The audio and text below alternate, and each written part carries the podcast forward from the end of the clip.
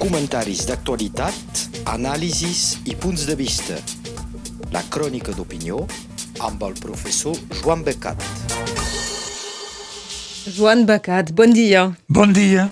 Parlarem avui de la COP27 que qualifiqueu de decebedora. Sí, bastant. La COP27, doncs, s'ha acabat fa uns dies sense resultats concrets. Se va reunir a Sharm el-Sheikh, una estació turística d'Egipte a la punta sud del Sinai. Serà recordada com un fracàs, com la conferència de l'inacció i dels egoismes dels estats. Doncs de tot nosaltres, quan era el canvi climàtic el tema, que no fa cap dubte, i que els seus efectes se comencen a manifestar cada any. Recordaré que COP, COP, són les inicials en anglès de Conferència dels, de les Parts, on són representats els estats. Va ser instituïda quan l'any 1994, ja fa temps, les Nacions Unides van adoptar un conveni marc sobre el canvi climàtic, a llavors una noció que no feia tanta unanimitat com avui, on tothom l'ha pogut constatar. La COP és un dels tres convenis previstos per la famosa Cimera de la Terra de Rio l'any 1992. Els dos altres són el conveni sobre la diversitat biològica i el conveni sobre la lluita contra la desertificació, que també fins ara no són grans èxits. Fa pocs anys, el famós Acord de París de la COP21, el 2015, va ser presentat a França com una fita capdalt, com un èxit, però, de fet, era en realitat el constat d'un primer fracàs, el dels 20, 20 anys de les primeres COP, ja que eh, l'acord de París constatava que, malgrat el que s'havia fet fins a llavors, per atenuar les emissions de gasos a efecte hivernacle, essencialment la combustió d'energia fòssil, carbó, petroli i gas, una part del canvi climàtic era inevitable. Constatació terrible. S'acceptava, doncs, el canvi i l'acord era de fixar etapes i nivell per només limitar-lo. Ja se sap que això tampoc no s'ha complert i que continuarà així encara temps. Ara, sis anys més tard, la situació s'ha degradat, evidentment. Són les conseqüències de la guerra de Rússia a Ucraïna, de l'encariment del petroli i del gas i de l'electricitat que utilitza el carbó més que mai, i la Xina, ella mateixa en dificultat, no vol entrar en cap programació de reducció. Els Estats Units i al Brasil, Donald Trump i Jair Bolsonaro negaven el canvi climàtic i, de fet, els dos l'han accentuat. A quin estem? Aquests dies, a Sharm el-Sheikh, els governs del món s'han mostrat incapaços de fer front junts, ni per una sola iniciativa secundària. Res, vergonyós. Rússia era absenta i Putin és responsable de la tensió sobre els mercats del gas, del petroli i dels cereals. La guerra que ha provocat ha cristal·litzat blocs oposats. Amb la crisi econòmica ja iniciada pel Covid-19, tot ha exacerbat els egoismes dels estats. Feia temps que la situació internacional no era tan embolicada. Però dins de la pràctica, concretament, quin ha estat eh, realment el resultat? Ah, per tant, amb tot això no ens hem d'estranyar del fracàs de la COP27. Dins la pràctica no hi ha cap acord, ja que l'acord que s'ha firmat al final només és una proposta, no un acord ferm. I res més.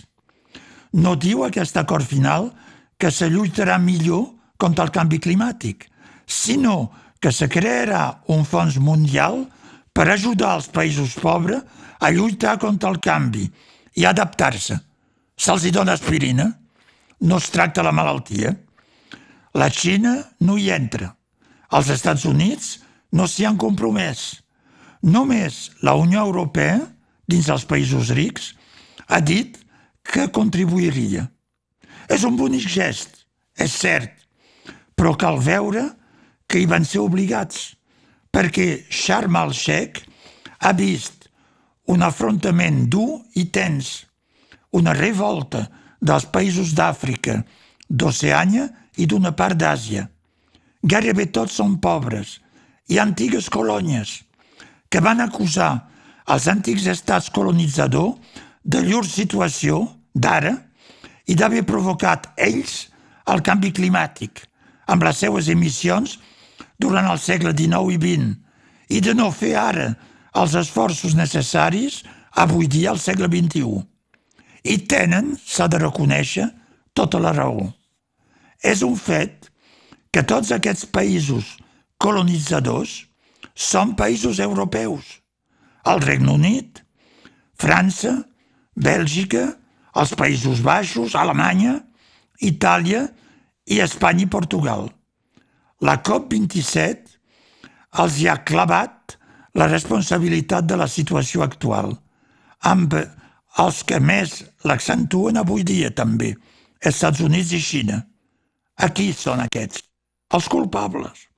Per tant, acceptant de participar al Fons Mundial, els estats de la Unió Europea, amb França al davant i el seu president Emmanuel Macron, amb la mà al cor, han volgut aparèixer com els bons, pagarem, quan tot el seu passat colonial, la revolució industrial i llur costum actual d'energia en fa objectivament els dolents.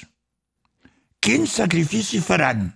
A veure, el Fons Mundial d'Ajuda, tal com és previst, és de 100.000 milions, 100 miliards cada any, i la Unió Europea no pagarà tot, sinó una part. És molt? Sí i no. És molt si es mira el que es feia abans, perquè això no existia. Però què representa aquesta suma que sembla tan considerable? Fem comparacions. Per a restaurar la seva economia, França ha previst 150 miliards i Alemanya 200. Eh, penseu que el Qatar s'ha gastat 220 miliards, perdó, França i Alemanya eren miliards. Qatar s'ha gastat 220 miliards d'euros pels mundials de futbol que s'estan fent. I, eh, per tant, el fons de 100 miliards per tot el món per lluitar contra el canvi és una gota d'aigua. Tot això mostra el nivell més que insuficient d'una COP27 que ha estat lamentable, al meu parer. No crec que podem dir avui dia, com el famós professor Pangloss dins el llibre Candida de Voltaire, que deia sempre «Tout est au mieux dans le meilleur des mondes». Jo crec que això ja és del passat. Ara bé, com jo mateix, esperi que tots vosaltres no us desmobilitzareu per fer al nostre nivell tot el que puguem per evitar el pitjor pels nostres fills. Precisament la, la pròxima COP serà a Dubai, a Qatar. Canviem de tema amb nous elements sobre el Catalan Gate. Sí. Eh, recordeu que fa sis mesos, a l'inici del mes d'abril, va esclatar la bomba de l'espionatge il·legal i massiu de l'independentisme català pel govern espanyol. Va escandalitzar molt a Catalunya i a tota Europa, i a Espanya van dit que no res que era necessari. Eh, fins al punt va escandalitzar Europa que el Parlament Europeu ha creat una comissió d'enquesta per fer entrevistes i treure'n l'aigua clara. És el grup de recerca universitari canadenc Citizen Lab, el laboratori ciutadà, que ho va destapar i que ho va batejar Catalan Gate. Va revelar que una seixantena de persones van ser espiades, entre altres, els quatre presidents de la Generalitat, incloent-hi Pere Aragonès, que molt probablement continuen espiant ara, i els advocats dels presos polítics i dels exiliats, com Gonzalo Boye, que ha portat queixa. S'utilitza per això el programa creat per l'empresa israeliana NSO, programa que se diu Pegasus i que passa a través dels mòbils i en capta, té accés a totes les informacions, les trucades, els arxius i les xarxes socials, amb tots els corresponsals. Pegasus només se ven a estats o a serveis estatals i costa milionades. Se sap també que l'han utilitzat Polònia i Hongria per espiar periodistes, advocat, adversaris polítics del govern, o encara el Marroc, Mèxic i d'altres. Però, de tots, el Catalangate és, fins ara, el que més espionatge ha fet, espionatge polític il·legal, dins una democràcia. Per Sensalla, Pedro Sánchez ho va negar primer i després va acceptar que compareixi davant dels diputats espanyols la directora dels serveis secrets. Aquesta va reconèixer l'espionatge de 16 dels 60 espiats, 16, sota el control d'un jutge, ep, com si el fet que un jutge l'autoritzés esborava el fet que és un espionatge il·legal en relació amb les normes espanyoles o europees. Només demostra, al meu parer, una vegada més, que la justícia espanyola se salta les pròpies lleis quan li convé. Per crear un tallafoc, Pedro Sánchez va destituir dos dies després la directora, com si era ella que havia decidit espiar l'independentisme pel seu compte i no els governs espanyols de Mariano Rajoy i d'ell mateix, Pedro Sánchez, que hi tenien ells interès i els diners per pagar. En les últimes setmanes hem tingut noves informacions, desenvolupaments. S'ha sabut que per ordre d'un jutge de l'Audiència Espanyola a Madrid, des del 2017 s'ha espiat tot l'entorn de Carles Puigdemont i tots els que han participat al Consell de la República. També s'han espiat i vigilat membres del CDR, comitès de defensa de la República, molt actius, tota l'esquerra independentista i la NC. Se va saber per la filtració dels informes de la Guàrdia Civil que n'era encarregada. Han procurat penetrar l'organització de la Casa de la República a Waterloo, a Bèlgica, i especialment, doncs, la gestació del Consell per la República. O sigui, que no era una seixantena de persones espiades, eren centenars. Quina conclusió en podem treure? A més de l'escàndol mateix, evidentment. Doncs, podem dir que l'estat espanyol és més que preocupat per tot el que passa a l'entorn del president Carles Puigdemont, que és la seva bèstia negra, que hi dedica espies i milionades, que, d'una certa manera, en té por. Té por del que pot saia del Consell de la República, una estructura que li escapa perquè és a fora d'Espanya i del seu dret i que és una primera concreció d'una institució republicana quan té la Generalitat a la mà. El Consell per la República és encara una estructura modesta, però té el suport d'elegits d'Ajuntament i de Ciutadans de Catalunya i pot créixer.